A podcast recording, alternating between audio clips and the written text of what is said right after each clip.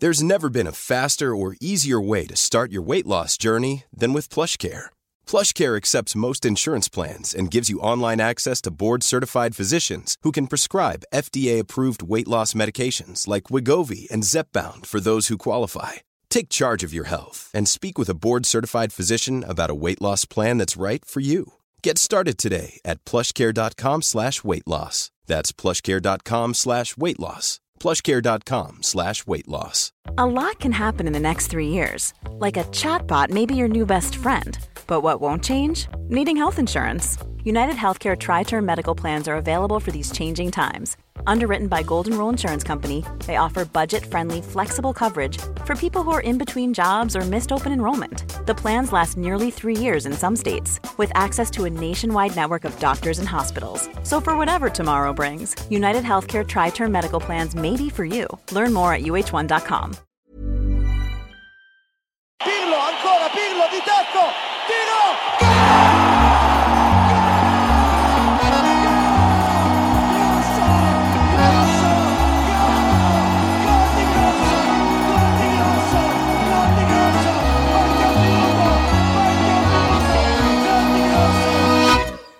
Är det ett sant nöje att hälsa er varmt välkomna tillbaka till Calcio Amore. Jag heter Marcus Totti Biro och eh, sköter den här podcasten tillsammans med oddsbaren Patrik Dutti och eh, fantastiske tekniker Anton Avenäs.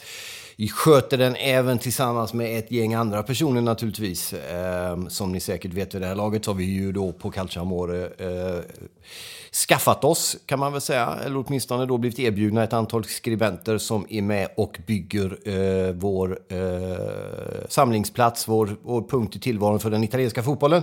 Gå in på calcioamore.se på hemsidan, fantastisk hemsida, där finns alla kröniker perfekt paketerade. De finns även länkade på vår Twitter, Calciamore heter vi där och vi finns på Facebook också.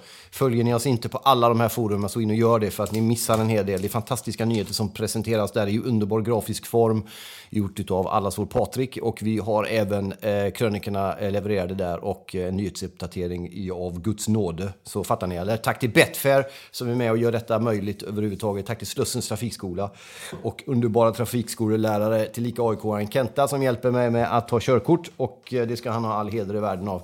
Eh, med detta sagt så tänkte jag att vi i det här avsnittet skulle grotta ner oss lite grann i Il Ritorno di Ibrahimovic, nämligen Zlatan Ibrahimovic och hans olika positioner och roller genom åren i Italien. Eh, vi börjar med ett, ett Zlatan-dyk på en eh, kvart, 20 minuter kanske. Och sen så tar vi ett samlat grepp kring lite utav omgången som spelats och så lite nyheter som avhandlas på det. Men vi börjar med Zlatan. Och eh, man går genast upp i tonläge då. Det finns ju otroligt mycket åsikter, tankar, funderingar kring denna Ibrahimovic. Eh, och jag tänkte vi skulle rikta in oss på det enbart fotbollsmässiga. Vi skiter i allting som han kör bilar eller spelar eller vad det är han håller på med nu för tiden. Eh, eh flossar i amerikansk tv och allt vad han håller på med. Men i någon form av skräck och rädsla över att bli bortglömd. Så är han ju trots allt eh, en av Sveriges bästa fotbollsspelare genom alla tider. Kanske den allra, allra främsta som vi någonsin har haft. Och om detta så är det ju på något sätt egentligen ingen debatt kan man väl tycka. Det, beror ju på, det är svårt att jämföra tidsepoken när det gäller fotboll. Men om vi tar och koncentrerar oss på den italienska delen av hans gärning så har vi ju då eh, väldigt många svenskar som gått före honom i Italien. Eh, Grinoli naturligtvis varandes de tre största. Och de är de tre största i Italien fortfarande tror jag, trots Zlatan. Eh, trots Glenn Strömberg, trots eh, Jonas Tern och några till som har härjat. Stefan Schwarz och några andra till också.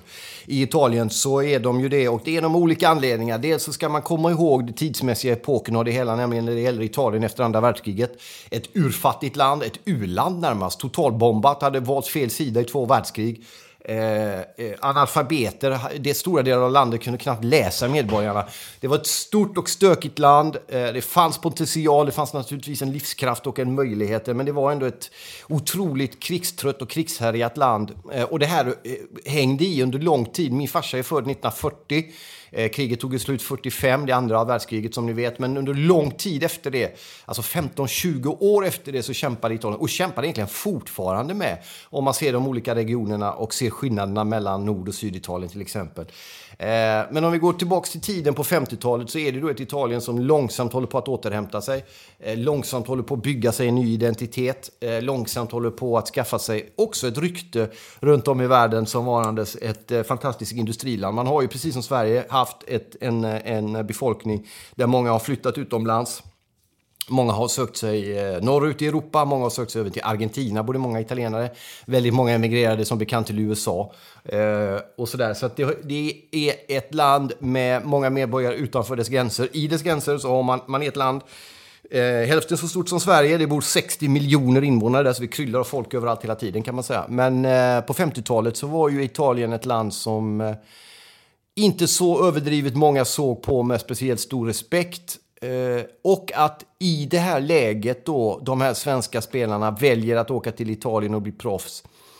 Eh, vi ska komma ihåg också att Sverige faktiskt då var en, något av en stormakt. Man hade klarat sig undan kriget, man var en välfärdsstat av Guds nåde, man hade ett välstånd som Sydeuropa bara som hade blivit krigs, inte bara Sydeuropa utan stora delar av Europa som ju har varit inblandade i de här två världskrigen, vilket Sverige hade på olika sätt blivit förskonade ifrån eller fegat ur ifrån, hur man nu väljer att se det. Men man hade alltså ett, ett eh, försprång när det gällde att bygga Eh, en stark demokrati och framförallt att bygga ett välfärdsland som, som eh, man hade ett försprång som de andra länderna eh, såg, eh, om inte avundsjukt på så åtminstone att det var mm, ja, med, med stor beundran och respekt och och så. Så att det var ju, Sverige var ett land som hade klarat sig undan två krig. Man hade fotbolls-VM som kom 1958 till exempel, då Sverige gick till VM-final. Så att, och i ett VM där Italien för övrigt inte var med, bara en sån sak. Eh, och gången efter Italien missade ett VM 58, det vet ni när det var, nämligen 2018 just. Jämnt och bra. Eh, men, eh, så det var ett land som eh, man inte kanske kastade sina lyssnarblickar på direkt som proffs. Men att då de här svenska spelarna som kom ner redan där med Nacka, Gunnar Gren, Gunnar Nordahl, Lidholm väljer att komma till Italien. Och framförallt också, inte bara att man väljer Italien, utan hur man väljer att komma till Italien. Man väljer att göra det med stor respekt. Eh, inte med onödigt fjäsk eller en massa bockande attityd, men man kommer dit med en nyfikenhet, man kommer dit med en respekt för att det här är ett annat land. Det här är folk som har varit med om väldigt svåra, tuffa, svåra, jobbiga saker. Man kommer dit, man vill lära sig mer, man vill lära sig språk, man vill lära sig kultur, man vill lära sig hur... Mat var ju väldigt lätt att lära sig eftersom det var så jävla mycket bra mat. Men ändå, ni fattar. Man kom dit med ett öppet sinnelag helt enkelt och det där, det där lever fortfarande kvar hos italienarna när det gäller just de här Gren och de spelarna som var tidigt in bland svenskar till Italien. Det är alltså ingenting man kanske möjligen varje gång tar upp när man pratar om vilka, hur många mål Gunnar Nordahl gjorde i Milan. Eller vilken fantastisk människa eh, Nisse Lidholm var, hur mycket han har betytt för sättet att träna fotbollslag i Italien, vilken respekt han hade med sig. Som sen också Sven-Göran Eriksson och Roberto Mancini som nu är i rakt nedstigande led från den här typen av tränargärning, eh, eh, leder ju det italienska landslaget i fotboll. Och han är ju direkt följd av att ha levt under och tränat tränat och lärt sig under en svensk, nämligen Sven-Göran Eriksson. Och icke att förglömma en svensk till, nämligen Tord Grip, som var med under Sven-Göran Erikssons tid i Lazio såklart och som dessutom var en av eh, gästerna, de första i den här podden. Eh, om ni inte lyssnar på det avsnittet, gå in och lyssna på den store Tord Grip. Underbar människa på väldigt många sätt och vis. Men det här sättet att de här svenska spelarna kom eh, till krigsskadat, krigshärjat, krigstrött Italien. Man kom dit, man var, hjälpte att bygga upp den italienska identiteten. Man hjälpte till med att bygga upp den italienska stoltheten.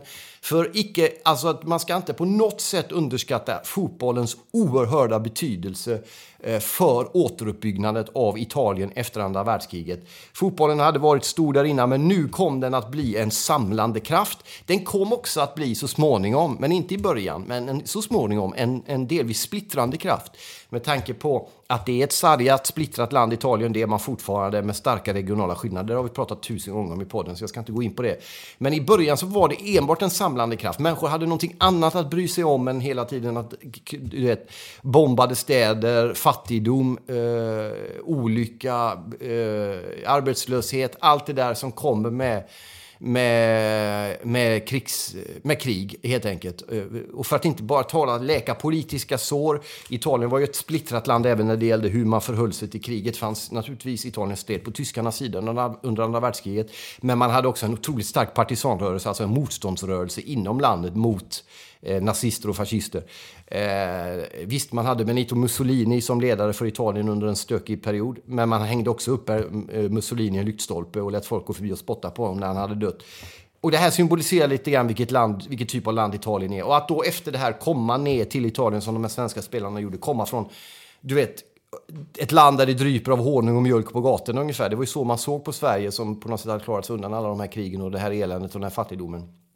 Att då som svensk komma ner och ha ögonen öppna, ha nyfikenheten intakt, ha hjärtat med sig och vilja vara en del av den italienska återuppbyggnaden av samhället, identiteten och stoltheten. Det glömmer inte italienarna. Därför är spelare som Grenoli så ofantligt stora fortfarande i Italien. Och jag hoppas att ni tar till er av den här historielektionen nu, era jävlar, så ni lär er någonting den här novemberdagen.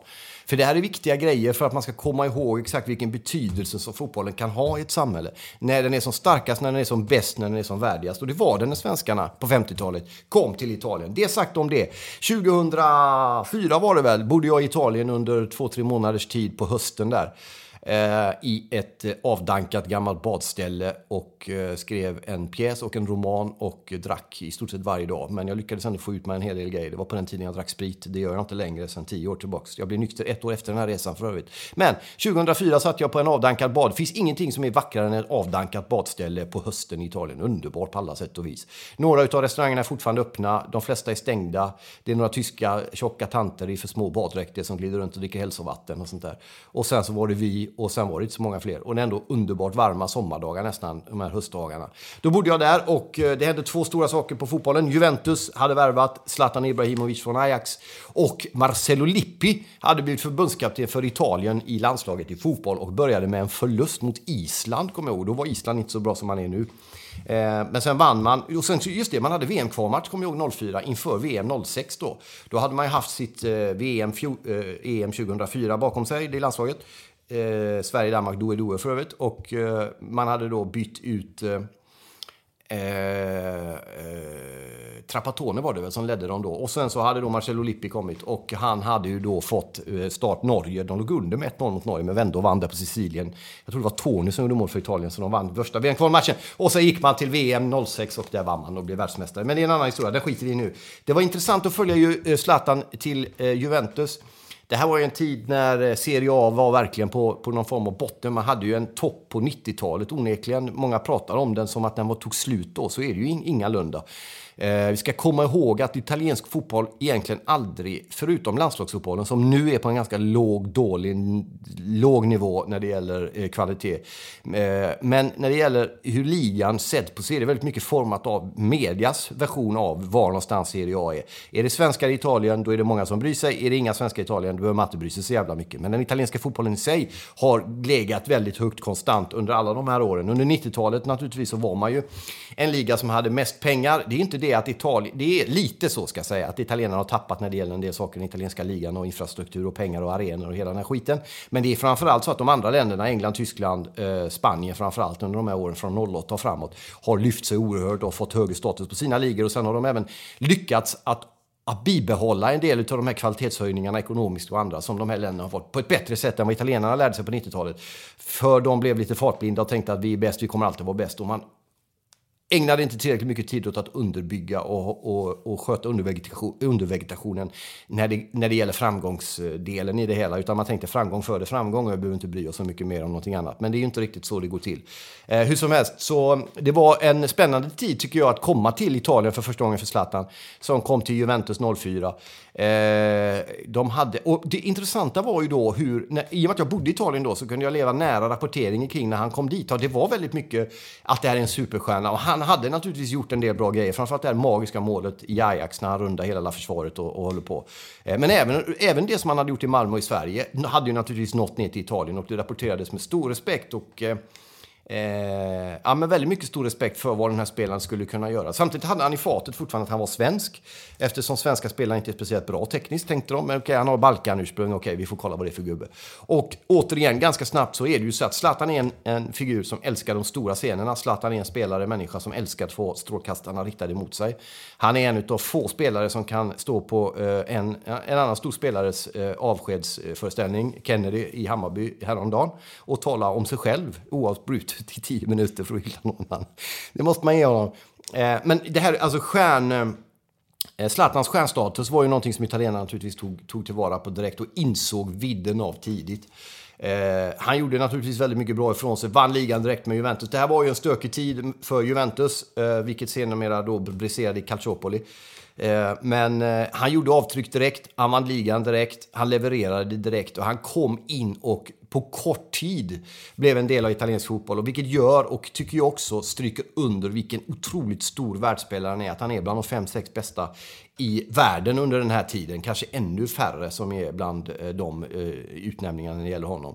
Vi kan se en kille som Cristiano Ronaldo nu som kommer till Juventus. Han tog kanske en fyra matcher något innan han var inne i det.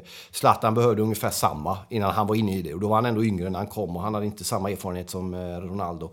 Han hade Sverige och Holland, kom till Italien och han var som gjord för de stora scenerna. Inte bara på plan utan även vid sidan av plan så visade Ibrahimovic vilken fantastisk fotbollsspelare eh, han var. Och han gjorde det på ett tidigt stadium och det, det eh, ska han ju ha en eh, stor eh, eloge och respekt för. Sen gick jag ju till Inter och det här är intressant. Söndag den 18 maj jobbade jag på dåvarande Kanal Plus ihop med Jonas Dahlqvist, Jesper Husfeldt, Simon Bank, Nora Strandberg och några till.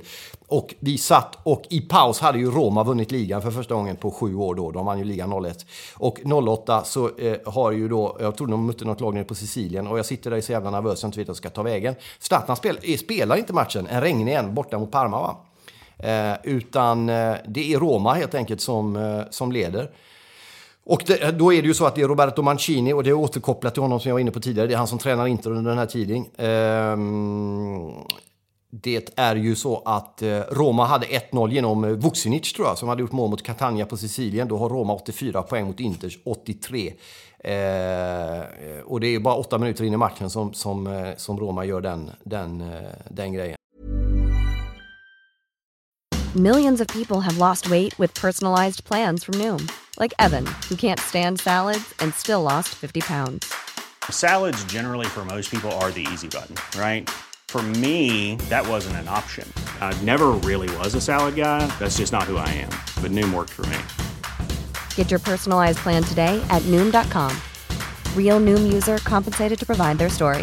In four weeks, the typical Noom user can expect to lose one to two pounds per week. Individual results may vary. Flexibility is great. That's why there's yoga. Flexibility for your insurance coverage is great too. That's why there's United Healthcare Insurance Plans. Underwritten by Golden Rule Insurance Company, United Healthcare Insurance Plans offer flexible, budget friendly coverage for medical, vision, dental, and more. One of these plans may be right for you if you're, say, between jobs, coming off your parents' plan, turning a side hustle into a full hustle, or even missed open enrollment. Want more flexibility? Find out more about United Healthcare Insurance Plans at uh1.com.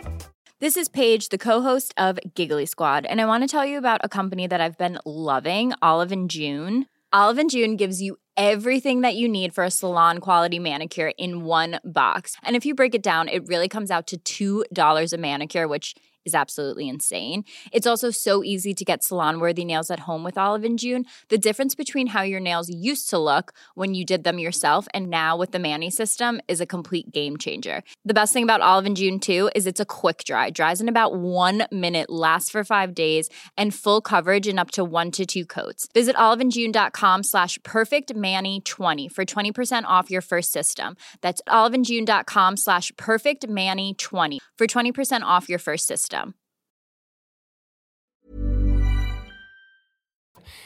Det står då 0-0, inte behöver vinna sin match. Eh, och det står 0-0 länge och väl. Inte tränar Mancini, inser vad som håller på att hända. Sex minuter efter paus redan bytte han ut vänster, eh, vänsterytten eh, Cesar och satte in Zlatan Ibrahimovic. Svensken, som då inte hade gjort mål sedan januari, det hade nästan gått ett halvår, behövde bara på planen i 11 minuter innan han nätade. Tar emot en passning eh, på mitten av planhalvan. Eh, Kåto går bort sig. Zlatan går några steg fram och sen bara dunkar han på Zlatan. Han kan se ett stenhårt bollen inte i stolproten 1-0. Med 10-11 minuter kvar så är det Maikon, hans gamla polare, som gör ett inlägg och han stöter in 2-0 på volley. Fattar du eller? Med fem minuter kvar sen på Sicilien kvitterade Catania mot Roma och så var saken klar. In, äh, Inter vann ligan. Det här är alltså inte, du vet, det är inte vilken jävla gubbe som helst. Det här är alltså en gubbe som spelat då Juventus, vunnit ligan med Juventus, kommer till Inter, eh, som är hans favoritklubb. Han hade ju eh, Ronaldo som idol, den gamle, eh, och kommer dit, eh, levererar, gör som det han brukar, mål och står och stjäl ljus lite här och där. Eh, men börjar alltså på bänken mot Parma i avgörande matchen, den här regniga, därför att han inte har levererat på ett bra tag. Kommer in och stänker två mål och gör att Inter vinner ligan och avgör hela den skiten på egen hand helt enkelt. Det är han som avgör den grejen. Fattar du vad jag säger till dig? Det är så jävla stort det är. Alltså han är så stor så att man fattar ju knappt hälften.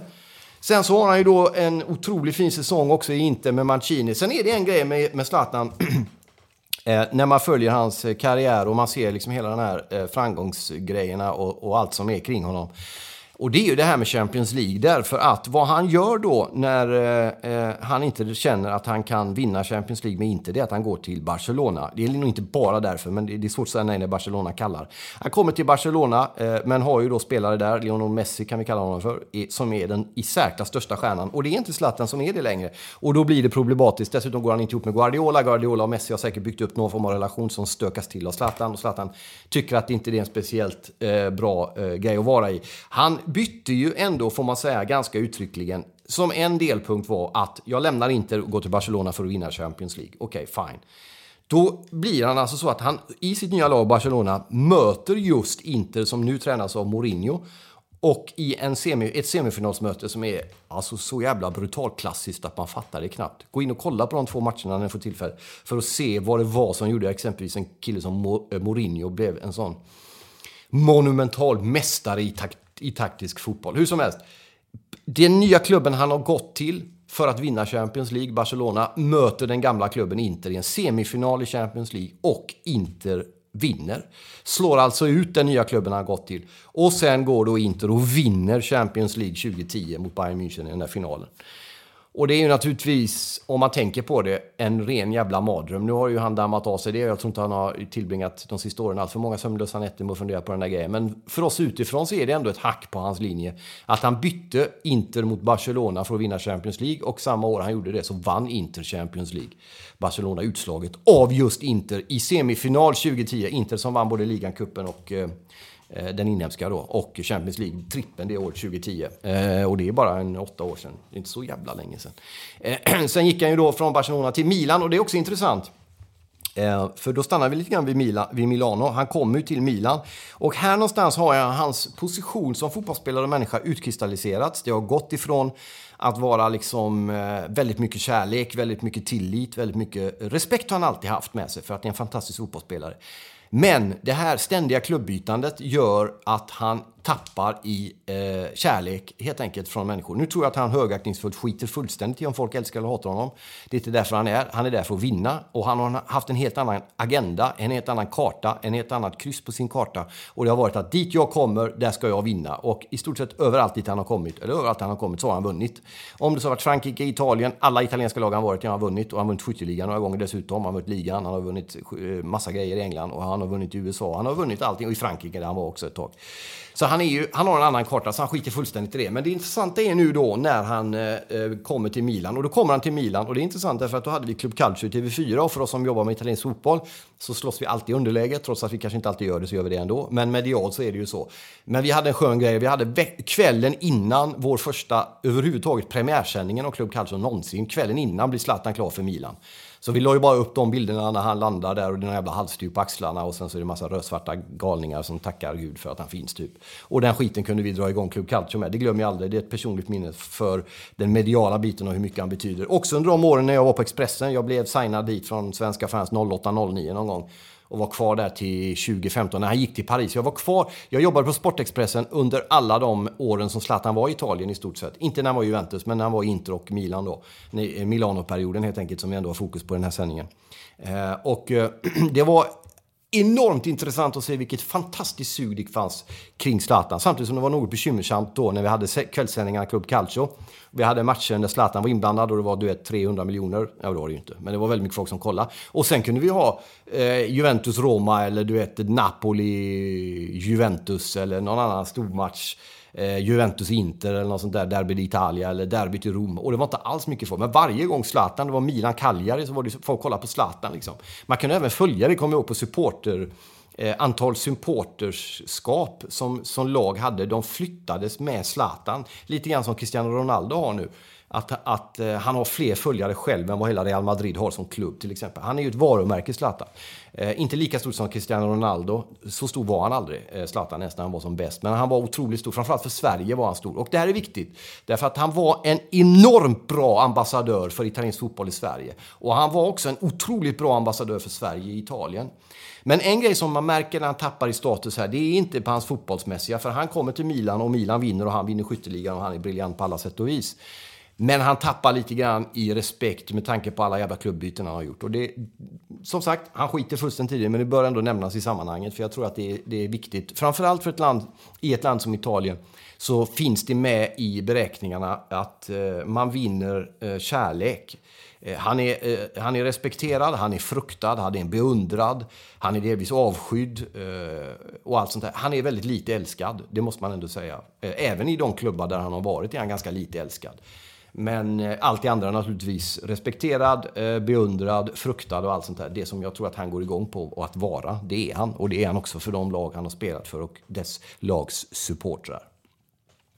Men det intressanta också i Milan är ju att han kommer till sin rätt, trots att han är lite äldre. Det har gått nästan tio år sedan han var i Juventus i början av sin italienska karriär. Så levererar han. Och en grej som är viktig är, han börjar framförallt akklimatisera sig till det italienska livet. Det har han säkert gjort innan. Men det är under tiden i Milan som det verkligen befästs. Hans fru eh, Helena verkar ju vara en fullständig eh, Milano-frälst. Hon älskar stan, hon älskar modet, hon älskar att gå runt på de här dyra affärerna med sina livvakter och shoppa. Han är som gjord för Milano. Han är som gjord för att spela ihop med en gubbe som Balotelli med Gattuso bakom sig. Han är så, och då pratar vi inte bara fotbollsmässiga kring Milan och hela det där laget de hade som var grymma som vann ligan och allt sånt där. Utan runt omkring det italienska. Han har det nära. Han har själv sagt i intervjuer att, att Italien är mitt andra hemland och då menades att fan det är Milano. Jag har haft två av mina tre sessioner i Italien de senaste och kanske mest framgångsrika också måste man ändå säga. Eh, det var med Inter och sen då med Milan. Och det intressanta är att Milan-fansen ändå köpte honom som en otrolig förgrundsfigur trots att det hade varit bara ett eller två år, möjligen bara några antal säsonger emellan att han gick från Inter. Sen gjorde han en sväng till Barcelona, kom till Milan då. Men Milan, Interfansen var ju vansinniga på honom. Det finns någon straff där som jag såg på San Siro där han satte den mot Inter. Mot Interklacken. Han går fram och bara dunkar dit den och då var det ju som att det kröp i hela kroppen på alla människor på olika sätt alltså. Men det var en otroligt stor jävla händelse. Men det var också kul att se hur han togs, togs eh, om inte till sina hjärtan så åtminstone att han blev en del av Milan under de här åren. Och jag tror det hade mycket att göra med hur han förde sig vid sidan av, hur mycket han respekterade stan, hur mycket han älskade att vara i Milano. Som är en märklig stad, vi återkommer till det strax. Men just att, med, att vara en del av det italienska och han har varit väldigt bra på det. Att anamma det, så det ska han ha all heder av. Så att nu då har det ju snackats en hel del om att han kanske är på väg tillbaks till till eh, Milan. Det har pratats om eh, två olika saker framför allt. Och en utav dem är ju då naturligtvis det här gröna ljuset som Uefa sägs ha gett honom nu när det gäller stålarna och fair play-pengar och sånt. Det går att gå igenom. Eh, och det tror jag är väldigt viktigt. För att för Milan handlar det väldigt mycket om sen nya ägare och sånt där, att man måste sköta ekonomin. Han verkar inte trivas i USA, de vill tillbaks till... Och framförallt får jag säga det att finns inget bättre ställe att komma tillbaks till än Milan. Beckham gjorde det på ett skönt sätt när han kom dit. Han kan stan, han älskar stan, stan älskar... Mm, kanske inte, men du vet, respekterar honom. Han skulle komma dit, gå ner något i lön, men få spela i en riktig liga i ett land han älskar. Han kan arenorna, han kan maten, han kan kulturen, han kan stan, han kan fansen, han kan trycket på läktarna under ett Milano-derby. Han vet vad det innebär att åka till Roma och sänka Roma med viktiga mål. Han vet vad det innebär att åka till Neapel och spela match mot Napoli inför fullsatt San Paolo. Det där måste ju naturligtvis dra, framförallt nu när han ser att karriären håller på att ta slut, va? den spelmässiga. Um, och då ska man ju säga det att Milano är, Italien är ju som sagt ett väldigt delat, splittrat, märkligt, konstigt, underbart, fantastiskt land. Milano är en väldigt speciell stad, en ganska ful stad för våra italienska mått mätt. Det är inte någon stad där man glider runt sådär nyförälskad och hittar små piazzer i solen när man sitter och dricker kopp te. Det är mer en sån här novemberstad där man kurar och det känns som att det regnar fast det inte gör det. Typ. Så är Milano. Eh, men det är, en, det är en stad som växer efter ett tag om du ger den några chanser. Och framförallt om du är där med Thomas Nordahl och han visade runt i den gotiska domen där. Shit, då är du helt frälst sen på olika sätt. Men det är en stad Stad, onekligen som kräver en del av en. Och det är också ett, en, en kärv stad, men kommer du innanför pansaret så är det en otroligt varm stad, en vacker stad, god mat, fin kultur, eh, det är en stad där du företrädesvis ska ha mycket pengar för att trivas riktigt bra. Det är en stad som både värdesätter yta och pansar, men också det som finns bakom ytan och pansaret. Alltså är det en stad, om ni har lyssnat på ett poetiskt öra nu, som funkar exemplariskt jävla bra för en gubbe som Ibrahimovic. Därför hoppas jag och tror jag innerligt att vi kommer få se Il Ritorno di Ibrahimovic eh, fram efter nyår någon gång här. Det vore fan... Jag vet att det är ganska långt kvar, men det vore alldeles jävla underbart, fantastiskt om det blev så på det sättet. Så där hade ni den kortare versionen av Zlatan till Italien. Vi ska gå igenom lite andra korta grejer också. Det gäller ju då de nya på, på Calcio Amore. En heter Zvonko Katic och skriver ur Milan-perspektiv fantastiska krönikor. Missa inte det. Eh, nyheter som också finns presenterade på vår Facebookgrupp och på vår Twitter och på hemsidan calciamore.se.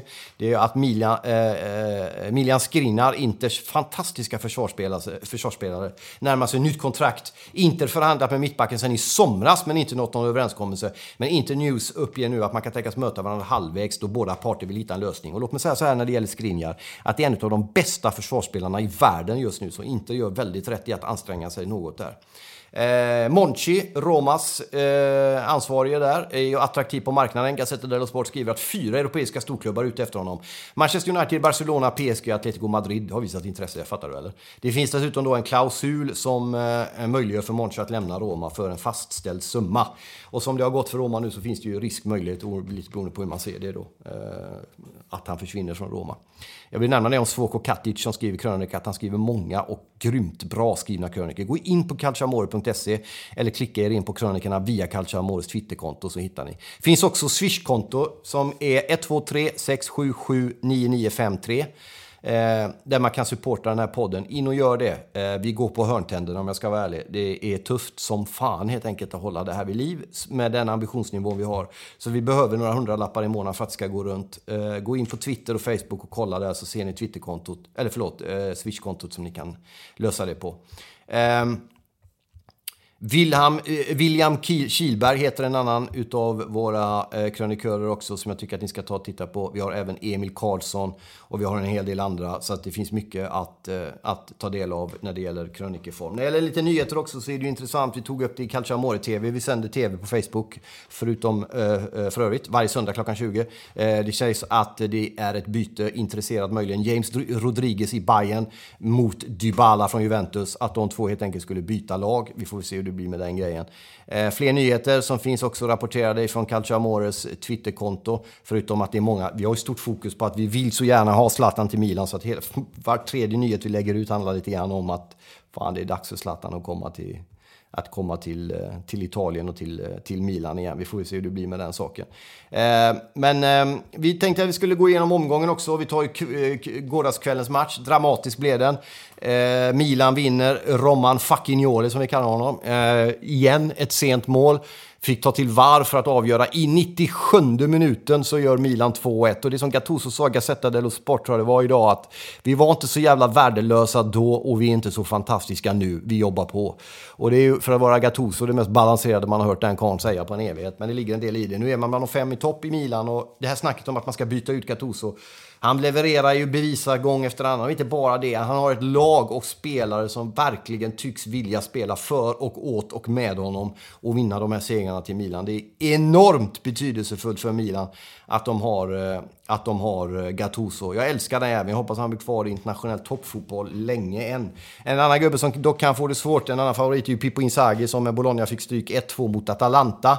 Eh, och eh, vi får väl se vilket tålamod de har. Jag tror att just för att det är Bologna så finns det, där har ju ganska en historik om att inte ha speciellt eh, långt tålamod. Samtidigt som just Filippo Inzaghi trots allt är ju som bekant, får man ändå säga, inte är vem som helst. Eh, så eh, frågan är väl om han kanske får lite extra tid med tanke på att han är Pippo Inzaghi. Och det får man ju för fan ge honom i så fall, det måste man ju säga. Alltså. Eh, vi ska kolla lite grann bara på resultaten också då. Eh, avslutningsvis, om vi hinner med den grejen. Jag ska kolla. Ja, men det gör vi väl delvis lite. Värt att notera är ju att Torino körde över Sampdoria med 4-1 borta. Lazio krossar Spal hemma. Napoli kör över Empoli 5-0, lika mycket eh, Inter som vinner 5-0 hemma mot Genoa. Genoa som haft två tunga grejer mot Milano-lag, fick stryk sent, sent, sent mot Milan. Vad det skulle säga innan när Romagnoli avgjorde även matchen, den uppskjutna från första omgången där, eh, mot eh, Genoa hemma. Och sen så åkte eh, eh, Genoa till Milano igen i helgen för att möta Inter, fick stryk 5-0. Juventus vann, Cagliari 3-1, inte så mycket att snacka om den grejen. Roma fick 1-1 borta mot Fiorentina efter en massa konstiga VAR-grejer. Gå in och kolla på Calcio Amore TV från i söndags om ni vill höra vad jag tycker om den grejen. Det ligger kvar på Facebookgruppen, både min och eh, Calcio Amores. Så är det. Och så hoppas jag att ni är med oss. Jag tackar igen Oddsbaren. Tack till Patrik Dutti, tack till Anton Avenäs, tack till Slussens Trafikskola, tack till Betfair. Tack till alla de här killarna som är med och bygger Calcio Amore-sidan. Gå in där, stöd oss med en hundralapp, en tusenlapp, en tia, en femma, vad ni har råd med eller inte. Så att vi kan fortsätta hålla den här astronomiskt begåvade jävla farten som vi håller just nu. Eh, tack Acast också och Betfair som sagt, där vi är med och gör poddarnas kamp som ni har hört om innan här. Eh, och så fan Zlatan, eftersom jag vet att du lyssnar på detta, skit i resten, gå till Italien, återvänd till Milano sån jävla kung du är. Dominera den istället för att sitta i en jävla hamburgerlandet, det där pajaslandet där borta i popcornvärlden du vet och bara dominera. Kom tillbaks till Europa, kom till Italien, kom till Milano och äg tillvaron igen. Fattar du vad jag säger till dig? Det är viktiga grejer detta. Okej, okay? bra. Ci a Milano a presto, jävla Zlatan. Bra grejer är det. Tack för att ni har lyssnat. Och så hörs, och strax, eh, så hörs vi snart igen. Arrivederci.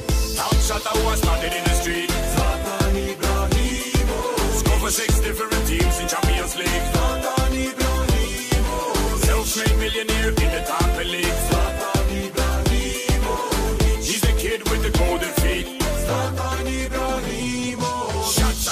keep it this man on fire. Start a nibble football hit man fi higher high kick high flyer style and mad on and I play skills where they ticket from Rose go to Paris. Ibrahimovic. We top shot man. See callejero futbolero high they eat them a street. It's the Swedish bad man not reaching a Balkan. Sign you a youth man big enough, up Zlatan. Top shot I was started in the street.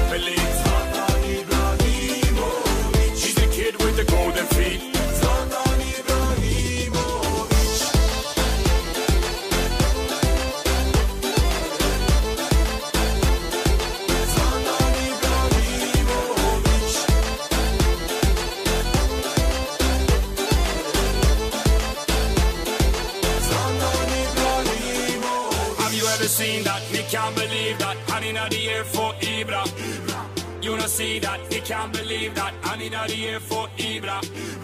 Representing for youth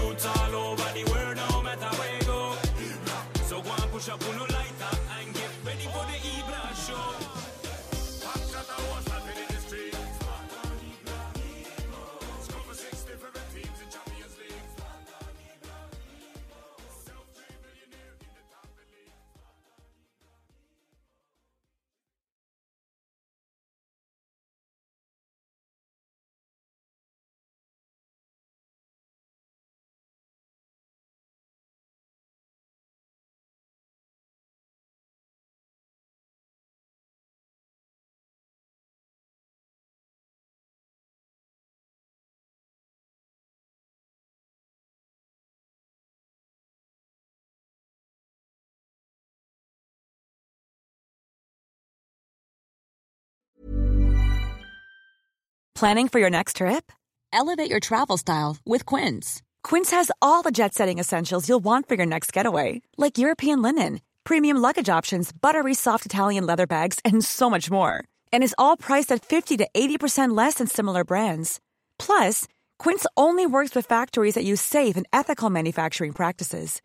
Pack your bags with high-quality essentials you'll be wearing for vacations to come with Quince. Go to quince.com slash pack for free shipping and 365-day returns. Imagine the softest sheets you've ever felt. Now imagine them getting even softer over time. That's what you'll feel with Bowl and Branch's organic cotton sheets. In a recent customer survey, 96% replied that Bowl and Branch sheets get softer with every wash. Start getting your best night's sleep in these sheets that get softer and softer for years to come. Try their sheets with a 30-night guarantee. Plus, get 15% off your first order at bowlandbranch.com. Code BUTTERY. Exclusions apply. See site for details.